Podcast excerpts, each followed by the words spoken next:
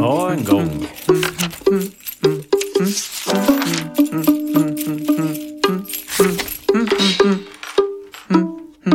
Högläsning på norrländska. Presenteras av Norrlands Guld Alkoholfri. Hej och välkomna till högläsning på norrländska. Idag ska vi fortsätta den spännande läsningen av Jane Austens Stolthet och fördom. Och Jane, ja hon är fan skitbra på att beskriva människor och relationer. Med sarkastisk humor, men med underliggande allvar. Ja, ni lyssna nu bara. Kapitel 2.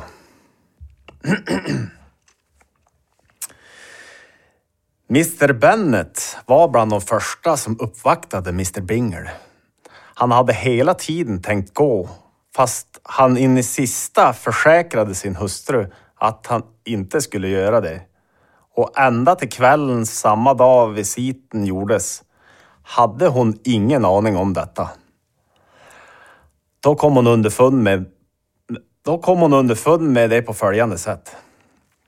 Då Mr Bennet såg sin andra dotter sysselsatt med att klä en hatt sade han plötsligt till henne. Jag hoppas Mr Bingle kommer att tycka om en, Lizzie. Ja, det är omöjligt att veta vad Mr Bingen tycker om, sade hennes mor Harmset. Harmset? Vad betyder det? Ja. Eftersom vi inte vill ha något med honom att göra. Men du glömmer mamma, sa Lissy, att vi kommer träffa honom på bjudningar och att Miss Long kommer lova att presentera oss för honom. Jag tror inte att Miss Long kommer att göra det. Hon har två egna brorsdöttrar. Hon är självisk och bakslug och jag tycker inte om henne. Inte jag heller, sa Miss Bennet. Miss, Mr Bennet. Och det gläd mig att höra att du inte litar på hon. På, och det gläd mig att höra att du inte litar på att hon kommer stå dig till tjänst. Mr Bennet värdigas inte svara. Men ur stånd att lägga band på sig började hon gräla på en av döttrarna. Men för guds skull, sluta hosta så där. Ha lite medlidande med mina nerver. Du slits sönder dem. Ja, hon har inte bra nerver den den. Kitty hostar inte med någon ur... Kitty hostar inte med någon urskiljning, sade hennes far. Hon hostar vid de mest olägliga tillfällen. Jag hostar inte för nöjes skull, svarar Kitty vresigt. När blir ditt bästa barn, Lizzie? 14 dagar imorgon. Fjo 14 dagar imorgon. Ja. Ja, just det, utropade hennes mor. Och Miss Long kommer inte tillbaka förrän dagen före. Så det blir alldeles omöjligt för henne att presentera honom eftersom, eftersom, hon, själv in, eftersom hon inte själv känner honom. Då kan du ta loven av din vän och presentera Mr Binger för henne. Då kan du ta... Då kan du ta lo, loven av din vän. Loven? Då kan du ta loven av din vän och presentera Mr Binger för henne. Omöjligt. Min vän, omöjligt. Jag är inte själv bekant med honom. Hur kan du föreslå något så dumt? Din försiktighet står över allt beröm. 14 dagars bekantskap är absolut för lite. Efter bara 14 dagar kan man omöjligt veta hurdan man verkligen är. Men om vi inte vågar komma någon annan... Men om inte vi vågar kommer någon annan göra det. Miss Long och hennes brorsdöttrar ger sig inte förrän de blir presenterade. Den lilla tjänsten kan vi verkligen ge. Den lilla tjänsten den lilla tjänsten kan vi verkligen göra henne.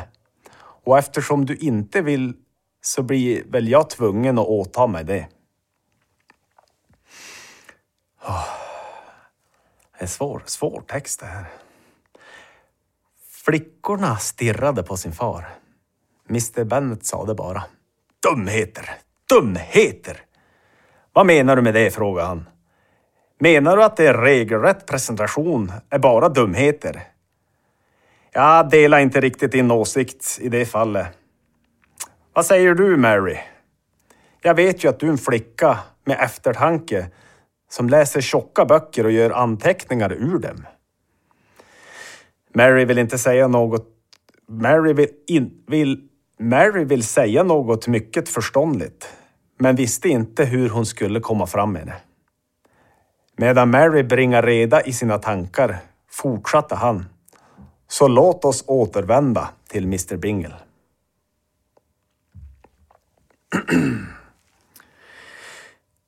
Jag är alldeles utleds på Mr Bingle, utbrast hans hustru. Det var ledsamt att höra. Men varför talade du inte om det förr?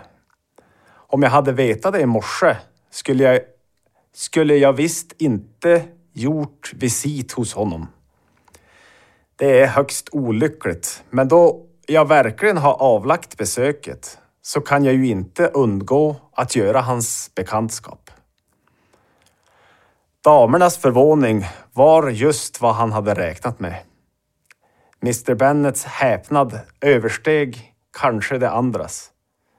Men det är den första... Men, men, när, men när den första över... Översvall... Men när den första översvallande glädjen hade lagt sig förklarade hon att det var så hon hade väntat sig hela tiden. Så snällt av dig, kära du. Men jag visste att jag skulle lyckas övertala dig till sist. Jag var säker om, jag var säker om att du höll allt för mycket av dina flickor för att inte göra en sån bekantskap.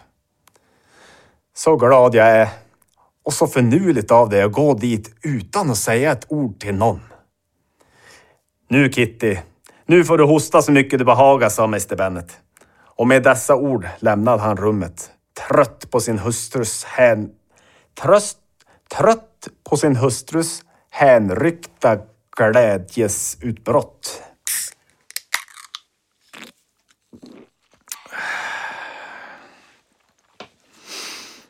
En så snäll far ni har, flickor, sade hon.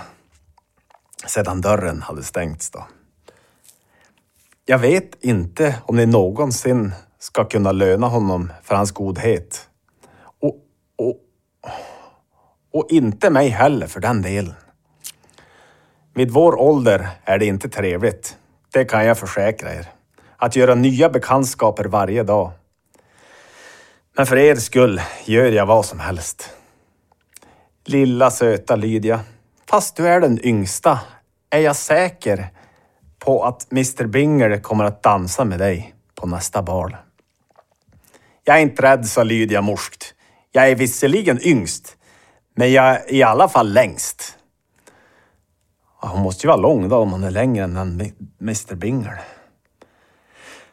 Återstoden av kvällen tillbragdes med funderingar om hur snart Mr Bingle skulle besvara Mr Bennets visit och när han sedan skulle bjuda ut honom på middag.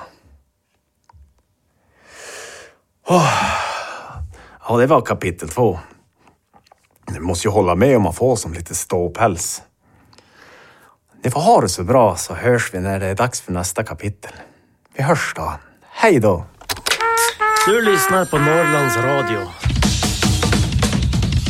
Ew.